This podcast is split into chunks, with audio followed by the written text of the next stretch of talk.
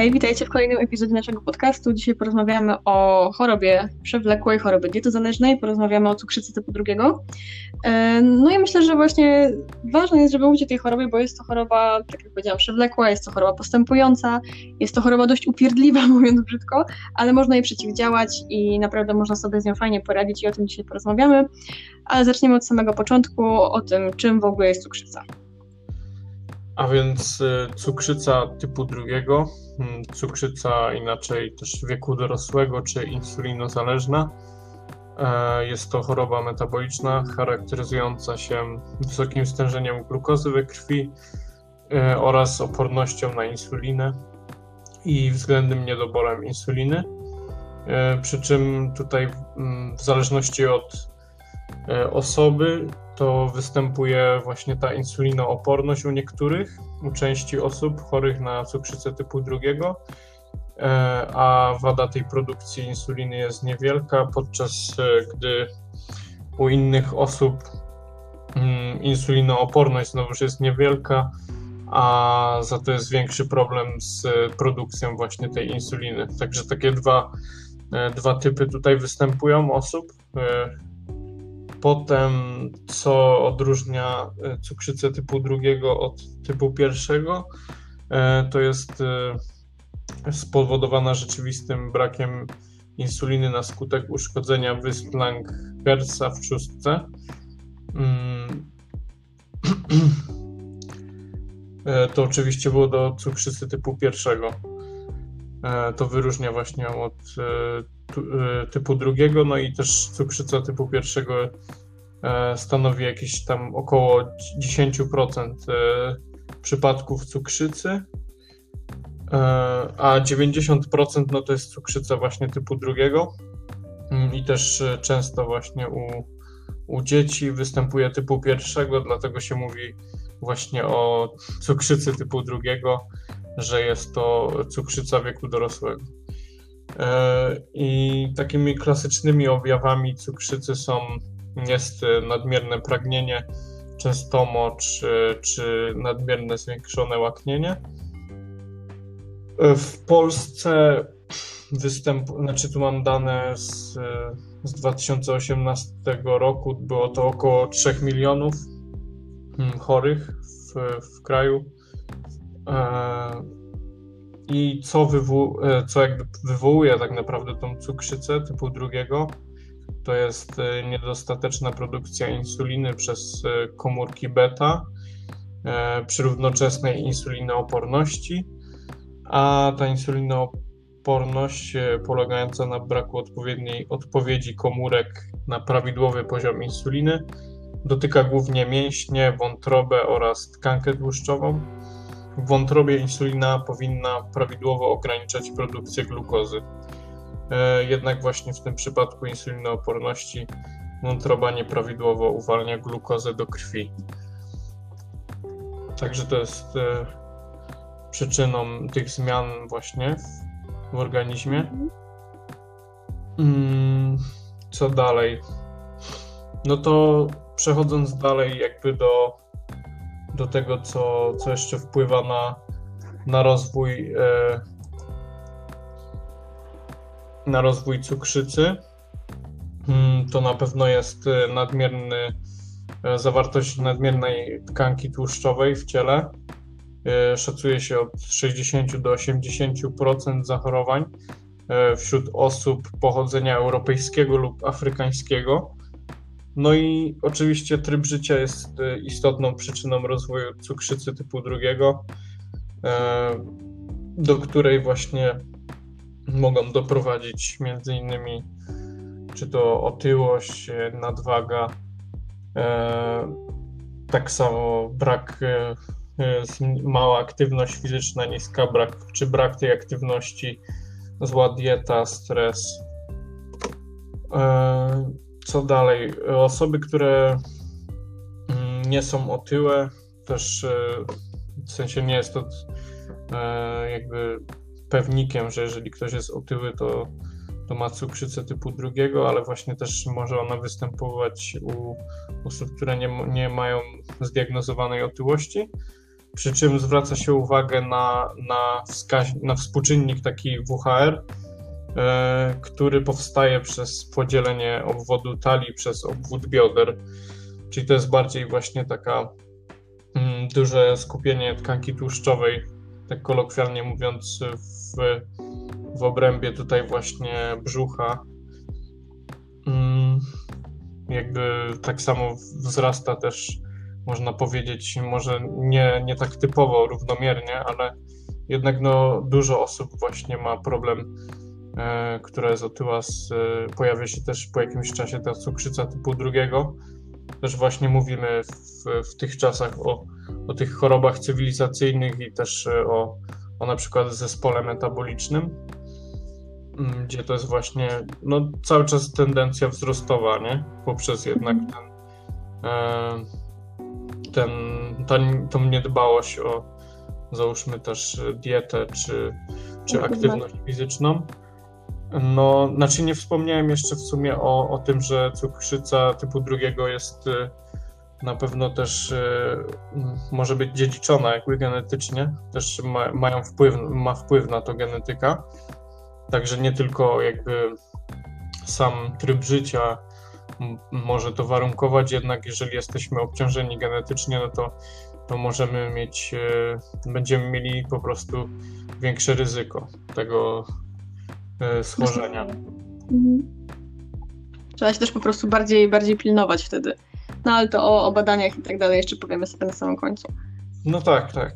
No, myślę, że możemy przejść do właśnie tych takich zaleceń e, w związku właśnie z, z dietą. No to mhm. mm, nie wiem, jak e, ty o tym myślisz, ale e, w sensie, no nie wiem dokładnie, jakie jest stanowisko, ale wydaje mi się, że, że po prostu nie ma jakichś na pewno produktów mm, takich typowo zakazanych w stosunku diety diety w cukrzycy typu drugiego, tylko właśnie szczególną e, uwagę należy zwrócić na ładunek glikemiczny przede wszystkim i, i też indeks glikemiczny e, produktów. E, też przede wszystkim, jeżeli właśnie występuje ta otyłość, no to żeby kontrolować jednak e, tą podaż e, kalorii i tak dalej, e, żeby przeciwdziałać temu i, i, tak samo jeżeli ktoś nie ma jakiegoś większego problemu z, z otyłością czy z nadwagą, to i tak jednak ta kontrola tych kalorii na pewno się sprawdzi, ponieważ nie, nie będziemy będziemy zapobiegać jakby temu e, rozwojowi, przeciwdziałać.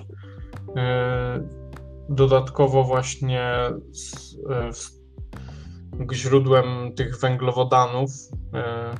Jakby należy, wiadomo, że trzeba ograniczać węglowodany proste, cukry właśnie jak, naj, jak najbardziej. Na pewno napoje słodkie nie będą wskazane. Napoje słodkie, żadne takie właśnie, czy soki też z dodatkiem cukru i tak dalej. Na pewno z węglowodanów głównym źródłem powinny stanowić właśnie pełnoziarniste produkty zbożowe, e, zwłaszcza o niskim indeksie glikemicznym, czyli właśnie wszelkiego rodzaju e, pieczywo pełnoziarniste, makarony pełnoziarniste, e, czy płatki owsiane, gruboziarniste kasze. E, co dalej to mm, z tym z rozkładem posiłków, no to moim zdaniem jakby mm, wiadomo, że kluczowe jest y, to, aby ten, e, ten skoki tej glukozy w krwi nie były wysokie.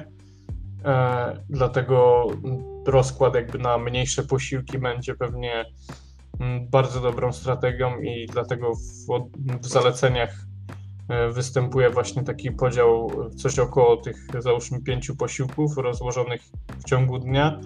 Ale myślę, że jeżeli e, dobrze skonstruowana by była dieta mm, o właśnie mm, pod względem też ładunku glikemicznego, to myślę, że nawet e, te trzy posiłki mogłyby być zawarte i, i nie byłoby z tym problemu. Nie wiem, co o tym myślisz w stosunku do tych posiłków właśnie. Ja myślę, że hmm, jakby to powiedzieć, w sensie trzeba to po pierwsze dopasować do trybu życia, tak? No bo jeśli ktoś intensywnie pracuje i nie ma za bardzo czasu na te pięć posiłków, no to lepszym wyjściem będą te trzy. Tylko właśnie one muszą być dobrze skonstruowane i też trzeba się skupić na tym, czy, czy po prostu przeciwdziałamy cukrzycy, czy, czy jesteśmy na początku walki z chorobą, czy na przykład przyjmujemy insulinę, bo w momencie, kiedy zaczynamy przyjmować insulinę, no to tutaj się bardzo komplikuje sytuacja, w zależności też co nam lekarz zleci, y, jaka to jest ta insulina, jak my ją mamy przyjmować, to wtedy też y, nasze żywienie musi być bardzo dostosowane pod leki i wtedy się już zaczyna robić problem. E, ale myślę, że w takim początkowym stadium choroby, albo jeśli chcemy po prostu przeciwdziałać, no to y, no, no, na pewno nie, nie warto jeść jednego posiłku czy dwóch, no bo to ciężko jest bilansować, żeby to, żeby to miało ręce i nogi. No tak, tak, tak. Ale te, te 3 do 5 myślę, że to jest taka standardowa opcja i że raczej się to u każdego sprawdzi. E, też fajnie, że powiedziałeś i o ładunku i o indeksie glikemicznym, bo ja się często spotykam z tym, że ludziom się to bardzo myli, albo na przykład skupiają się tylko na indeksie, E, a nie na ładunku, tak? Bo może trzeba też wytłumaczyć, że jakby każdy produkt ma jakiś indeks glikemiczny, ale kiedy jemy cały posiłek, no to liczy się cały ładunek tego, e, tego posiłku, tak? Czyli jeśli na przykład, nie wiem, bardzo nas przyciśnie i będziemy chcieli zjeść na przykład białą bułkę, tak? No to możemy ją zjeść, ale wtedy na przykład równoważymy to białkami i tłuszczami i wtedy łącznie ładunek posiłku nie jest aż tak wysoki, jakby to była sama bułka z dżemem, powiedzmy, jakby to były same węglowodany. Więc yy, tak jak powiedziałeś, yy, na pewno o wiele bardziej warto jeść te produkty yy, z pełnego ziarna, tak? Tak, tak. Te powiedzmy, kolokwialnie mówiąc brązowe, tak? E, bo to jest po prostu lepszy wybór i jeśli ktoś nie jest zaawansowany w wiedzy takiej dietetycznej albo nie ma wsparcia dietetyka, E, no to lepiej po prostu postawić na to, chyba że po prostu już jesteśmy bardziej obeznani, no to możemy sobie tym ładunkiem po prostu gdzieś e, kombinować, że tak powiem, kiedy mamy na przykład ochotę na coś takiego bardziej przetworzonego typu białe pieczywo, czy biały makaron, czy, czy jakieś tam węglowodo, węglowodanowe inne, inne rzeczy. Ale myślę, że dla, dla większości społeczeństwa jednak to, o czym mówiłeś, po prostu to bazowanie na produktach pełnoziarnistych, ograniczenie cukrów prostych, to, to jak najbardziej jest y, jedyna słuszna opcja w sumie. No mówię, jeśli nie mamy wsparcia specjalisty albo sami nie jesteśmy już po prostu na jakimś tam wysokim poziomie wiedzy dietetycznej, to myślę, że nie warto samemu kombinować, bo można sobie zrobić krzywdę. Tutaj nie ma już zabawy, że tak powiem, z tym jedzeniem, tak jak jesteśmy zdrowi, tak? Są już jednak jakieś wytyczne, których musimy się trzymać. No tak, tak, właśnie. E, w kontekście właśnie też tego ładunku, no to też wiele razy też y, tłumaczyłem to na, u siebie też na Instagramie, że no zwłaszcza, znaczy tu akurat w przypadku cukrzycy ten indeks jest ważny, nie? Ale no mhm. u, u osób takich nie mających problemów właśnie z, mm, z glikemią, no to mm, bardzo, praktycznie no, najbardziej istotny jest ten ładunek glikemiczny, nie? I tak mhm. samo w, w przypadku cukrzycy, załóżmy, no to Właśnie też na początku mówiłem o tym, że raczej nie ma e, tych produktów takich zakazanych, no bo mm, załóżmy, jeżeli ktoś by już się uparł, no to raz na jakiś czas, e, jeżeli załóżmy na przykład po takim pełnowartościowym posiłku, obiedzie, którym ob, który obfitywał też w zdrowe tłuszcze, białko i tak dalej, ten ładunek glikemiczny, e, ładunek nie będzie zbyt wysoki. No i po tym, jeżeli spożyjemy, załóżmy jakąś tam przekąskę, która no, będzie głównie z cukrów prostych, no to na pewno nie, nie będzie to równo, mm, nie będzie to tak samo, jakbyśmy e, spożyli sam posiłek tak naprawdę z, z cukrów prostych, nie? Gdzieś tam poza w ogóle e, dwie godziny po czy coś, no to wtedy ten, mhm. te skoki będą o wiele wyższe, nie? i będzie to inaczej po prostu. Także myślę, że można wpasować po prostu pewne produkty tylko z umiarem, nie? Tak, tak, zdecydowanie, żeby to nie było, nie wiem, y, lody, dwa batony i coś jeszcze, tylko po prostu jakiś skromny deser po prostu, żeby gdzieś tam zaspokoić swoją ochotę na słodkie. Tylko no, no właśnie, tu, właśnie tu już jest problem, bo to już jest choroba, tak? To, to już nie jest kwestia tego, że czy my zjemy słodycze, czy my nie zjemy, to już jest w naszej, y, jakby nasza sprawa, jeśli jesteśmy zdrowi, ale tutaj już naprawdę trzeba uważać, ale tak jak mówisz, to jest do zrobienia, to jest do ogarnięcia i to nie jest tak, że, że to jest wyrok, y, że my już nigdy w życiu, nie wiem, nie zjemy cukierka, tak? Jest to do zrobienia, chociaż no, no myślę, że jednak warto się skupić na tych zdrowych y, nawykach żywieniowych, bo one naprawdę mogą nam tutaj bardzo pomóc w walce z tą chorobą. No tak, właśnie. Przechodząc dalej e, co do tego, no to też właśnie, no tak jak w przypadku, to jest jakby dieta, zalecenia dietetyczne są e, tak naprawdę takie mm, równoznaczne jak w przypadku takiej w każdej zdrowej diety, czyli też właśnie zwiększenie e, spożycia warzyw i owoców, przy czym znaczy warzyw i owoców, które nie mają zbyt wysokiego tego indeksu, mm, które są na pewno bardzo bogatym źródłem błonnika pokarmowego e, i antyoksydantów. Dlatego tak samo w przypadku tych e, węglowodan, e, tych pełnoziarnistych produktów, tak samo będą one obfitować w ten błonnik. No i w przypadku też tłuszczy to na pewno ograniczać e, tłuszcze nasycone, czyli tak jak właśnie w, e, i tłuszcze trans, tak jak w przypadku też e, każdej innej zdrowej, pełnowartościowej diety. Przy czym właśnie skupić się na tym, aby dostarczać jednonienasycone kwasy tłuszczowe i wielonienasycone kwasy tłuszczowe, też właśnie omega-3, wszelkiego rodzaju właśnie zawarte w tłustych rybach też e, orzechy, także głównie skupiając się na tych zdrowych tłuszczach, przy ograniczeniu tych e, trans i nasyconych.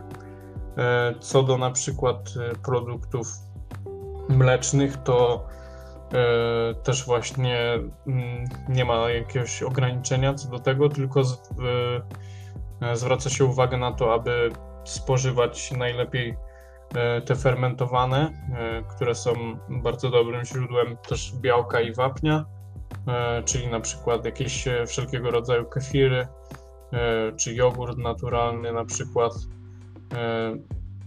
W przypadku mięsa to oczywiście ograniczenie czerwonego mięsa,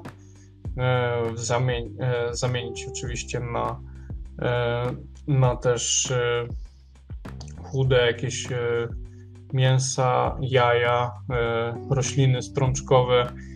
E, właśnie też, tak jak wspominałem poprzednio o, o tych rybach w kontekście tych zdrowych tłuszczy. Co do jeszcze idąc dalej, no to na pewno też trzeba pamiętać o odpowiednich technikach kulinarnych gdzie no, wskazuje się na to, aby głównie właśnie było to gotowanie, gotowanie na parze, e, czy też właśnie duszenie e, bez wcześniejszego obsmażania, e, czy również pieczenie w folii lub rękawie termicznym. To będą najbardziej optymalne jakby sposoby obróbki.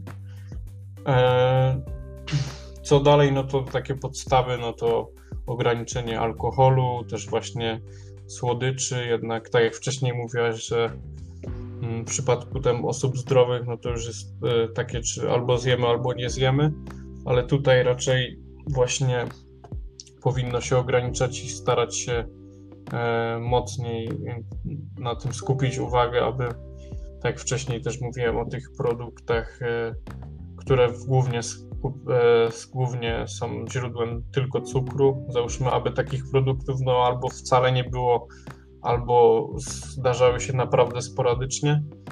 E, tak samo ograniczenie właśnie soli e, w diecie. No, czyli tak naprawdę no, wszystko, co, mm, co też zawarte jest w takich podstawach zdrowego odżywiania każdego z nas. Y, dodatkowo no jeszcze y, oczywiście o, o wodzie, czyli z odpowiednia podaż płynów, y, około tych 2 litrów wody dziennie. Mhm. Ja myślę, że to też tak y, optymistycznie brzmi, że, że to nie jest jakaś restrykcyjna bardzo dieta, że musimy usunąć jakieś całe grupy produktów czy, czy jakieś konkretne rzeczy, bo to naprawdę są założenia takie stricte po prostu diety zbilansowanej. Jedyne na co trzeba zwrócić uwagę to po prostu te źródła węglowodanów, ale myślę, że to y, napawa optymizmem, że to nie jest po prostu coś bardzo skomplikowanego stosowanie takiej diety. No tak, też tak myślę właśnie. Mm że to nie jest e, jak w przypadku e, występują też inne choroby, no to tutaj jednak nie ma właśnie tych takich e, jakichś dużych ilości, ilości tych produktów, które faktycznie trzeba ograniczyć. No i też w, w kontekście tych słodkich napojów, czy jeżeli ktoś już tak bardzo lubi, no to Teraz jest e, dużo właśnie tych napoi zero. Także na większość jednak, większość słodzików nie, nie wpływa negatywnie na, na wzrost, e, na insulinę też, na, i, więc y, będą dobrym rozwiązaniem, też wiadomo z umiarem, nie jakoś to szczególnie dla osób, które właśnie lubią sobie coś takiego wypić i, i po prostu chciałyby coś takiego mieć w swoim e, w swojej diecie, no to wtedy na pewno nie, nie wybierać tych e, napoi słodzonych cukrem, tylko już lepiej właśnie wybrać ten słodzik. Mhm, no bo tak jak też mówiliśmy, słodziki nie zabijają, więc naprawdę na spokojnie można pić. Oczywiście, żeby to nie były 3 litry dziennie, tak? Same coli zero czy, czy jakiegoś innego napoju, ale jak najbardziej jest to do ogarnięcia i, i, i fajnie, tak? Że po prostu nie jest to jakieś aż tak strasznie restrykcyjne. Myślę, że większości z nas y, nie sprawiałoby to aż takiego problemu, tak? Wiadomo, że jest to jakiś tam rygor, ale, ale do zrobienia. No tak, tak. Myślę, że że utrzymanie takiej diety też e, nie jest jakoś e, ani bardzo męczące, ani właśnie uciążliwe, tylko jest to właśnie do zrobienia i, i warto na pewno właśnie też starać się odżywiać zdrowo podczas e, tej choroby, no i, i kontrolować też właśnie masę ciała, nie? Tak jak wcześniej też mhm. mówiłem o tym, że jest silna zależność pomiędzy otyłością a cukrzycą typu drugiego. Mhm. No myślę, że dietę w sumie pokrótce omówiliśmy i trzeba też powiedzieć, że początkowym stadium choroby y, dieta plus aktywność fizyczna potrafią wystarczyć i, i nasza glikemia jest w porządku, wszystko jest ok, tylko y, jeśli na przykład nie dbamy o tą dietę albo ta dieta nie przynosi rezultatów, bo trzeba też powiedzieć, że cukrzyca jest chorobą postępującą i ona z czasem może się po prostu pogłębiać, należy wprowadzić y, po prostu leki przeciwcukrzycowe, takie stosowane do ustnie. Oczywiście tym się zajmuje lekarz i, i sami nie podejmujemy takich decyzji, ani dietetyk nie, dietetyk nie podejmuje takich decyzji, może ewentualnie zasugerować. Idziemy do lekarza, wtedy dostajemy leki. Takim pierwszym, mm, takim lekiem pierwszego wyboru, najczęściej się przewijającym podczas cukrzycy jest e, metformina. Mm, I ten lek e, działa na takiej zasadzie, że on po prostu uwrażliwia e, tkanki naszego organizmu na działanie naszej własnej insuliny. Przy okazji też zmniejsza, zmniejsza stężenie glukozy w wątrobie, zwiększa jej wykorzystywanie przez mięśnie Obniża nam też stężenie trójglicerydów, zwiększa też poziom y, cholesterolu HDL, czyli tego tak zwanego dobrego, tak, w cudzysłowie. E, metformina może też sprzyjać redukcji masy ciała, co jest bardzo mile widziane właśnie z racji tego, o czym też mówiłeś, że, że po prostu jest ta korelacja między, między otyłością a występowaniem cukrzycy typu drugiego. E, no niestety jest to lek, tak, więc też ma jakieś tam skutki uboczne. E, często to są skutki uboczne ze strony układu pokarmowego. Mogą się zdarzyć wymioty biegunka, nudności, bóle brzucha, brak apetytu. No ale no, umówmy się, że to, to nie jest wyrok, tak, bo każdy lek ma jakieś tam działanie niepożądane, ale nie u każdego, nie u każdego się ono e, objawia. Mm, oprócz tej metforminy są też na przykład pochodne sulfony, sulfonylomocznika. E, jest to lek takiej starszej generacji, ale czasami też stosowany. On e, stymuluje komórki trzustki do wydzielania większych ilości insuliny. Mamy też inhibitory alfa-glukozydazy i one spowalniają procesy trawienia węglowodanów, czyli po prostu mniej się tego wchłania i nasz organizm nie musi odpowiadać dużym wyrzutem insuliny, żeby, żeby to wszystko zostało strawione. Mm, mamy też leki inkretynowe i one naśladują inkretyny, tak, czyli tak możemy powiedzieć, że hormony, e, które pobudzają w naszym organizmie wydzielanie insuliny. E, no mamy tam jeszcze różne inne leki, chociaż mówię, no to metformina jest najbardziej najbardziej rozpowszechniona, tak? Jest tym lekiem pierwszego wyboru, też dużo osób z niej korzysta. E, no ale też się zdarza sytuacja, kiedy styl życia zawiedzie i leki doustne też zawiodą, musimy się zdecydować na insulinoterapię. E, to też wszystko się odbywa pod, pod opieką lekarza. E, mamy do wyboru, znaczy mamy do wyboru, lekarz ma do wyboru różne, różne możliwości. Możemy stosować mieszanki insulinowe ludzkie, mieszanki analogowe, no i tu już jest kwestia właśnie to, o czym mówiliśmy, że stosując insulinę, ten nasz tryb odżywiania się jest już taki bardziej restrykcyjny, bo stosując te mieszanki insulinowe ludzkie, zaleca się, żeby spożywać od 5 do 6 posiłków dziennie mm, i stosuje się od 2 do 3 zastrzyków z tą insuliną w ciągu dnia. Robi się to na 30-40 minut przed posiłkiem. Zazwyczaj jest to przed, przed śniadaniem i kolacją, albo przed śniadaniem, obiadem i kolacją przy tych mieszankach analogowych możemy sobie pozwolić na spożywanie mniejszej ilości posiłków, to mogą być nawet trzy posiłki dziennie i wtedy w porze posiłku też przyjmujemy insulinę. E, I mamy jeszcze takie takiego jak metodę wielokrotnych wstrzyknięć i tutaj stosujemy krótko działającą insulinę lub analogii e, przed głównym posiłkiem, czyli powiedzmy no zazwyczaj jest to obiad i dostajemy też zastrzyki raz lub dwa dziennie insuliny o przedłużonym działaniu. No tak jak wspomniałam, jest to dość upierdliwe. Trzeba pamiętać o tych strzykach, trzeba pamiętać o stałych porach posiłków, bo kiedy na przykład przyjmiemy zastrzyki, ale pominiemy posiłek, no to możemy sobie narobić biedy. Więc myślę, że e, no czasem nie mamy oczywiście na to wpływu, tak, bo choroba postępuje, ale myślę, że warto się skupić właśnie na tym, na tym dobrym prowadzeniu się powiedzmy, czyli na tej aktywności i zbilansowanej diecie, bo możemy po prostu albo uniknąć, albo przesunąć w czasie ten moment, kiedy musimy przyjmować czy to leki, czy już potem zastrzyki z insuliną. No i właśnie, żeby się przed tym uchronić, mamy profilaktykę, tak? To już dużo, dużo y, aspektów tej profilaktyki gdzieś tam wymieniliśmy po drodze, ale myślę, że też warto tak to, to zamknąć taką klamrę. No i tak jak mówiłeś, osoby z nadwagą i otyłe. Jeśli ta nadwaga, otyłość występuje, zalecana jest normalizacja masy ciała, żeby to BMI było w normie po prostu. I już nawet spadek masy ciała o 10% może przynieść bardzo fajne rezultaty, więc to nie musi być nagle 30 kg miesiąc, tak? I też ważne, żeby ta redukcja masy ciała może nie tyle, że była powolna, co po prostu była zrobiona nie na wariata, tak, żebyśmy nie chudli nagle bardzo dużo, tylko żeby po prostu wdrażać te nowe, nowe nawyki żywieniowe, żeby po prostu ta masa ciała powoli sobie spadała i żebyśmy zachowywali cały czas zdrowie. E, kolejny aspekt, e, aktywność fizyczna. Tutaj co najmniej 150 minut tygodniowo. To, to naprawdę nie jest dużo, to jest, nie wiem, 20-30 minut e, dziennie, może być spacer, może być wyjście na rower, może być jakaś domowa gimnastyka. Ważne, żeby po prostu się ruszać i robić to regularnie, a nie zrywami, bo ważniejsze jest to, co robimy codziennie, a nie to, co robimy raz na, raz na parę miesięcy. No i dalej, są też badania przesiewowe, tak? Po 45 roku życia e, zaleca się e, robienie testu obciążenia glukozą każdemu co raz na 3 lata mniej więcej, żeby po prostu mieć to wszystko, e, mieć rękę na pulsie i, i nie wylądować z jakąś niespodzianką. No ale ten test obciążenia glukozą warto wykonać raz do roku, jeśli jesteśmy w grupie ryzyka. No i to, co też mówiłeś, obciążenie genetyczne, tak? Jeśli u naszych rodziców, u naszego rodzeństwa wystąpiła ta cukrzyca, no to warto po prostu raz do roku sobie taki test wykonać i, i też mieć właśnie wgląd, czy wszystko jest w porządku. E, jeśli mamy nadwagę lub otyłość, mm, no to też warto raz do roku sobie taki test wykonać.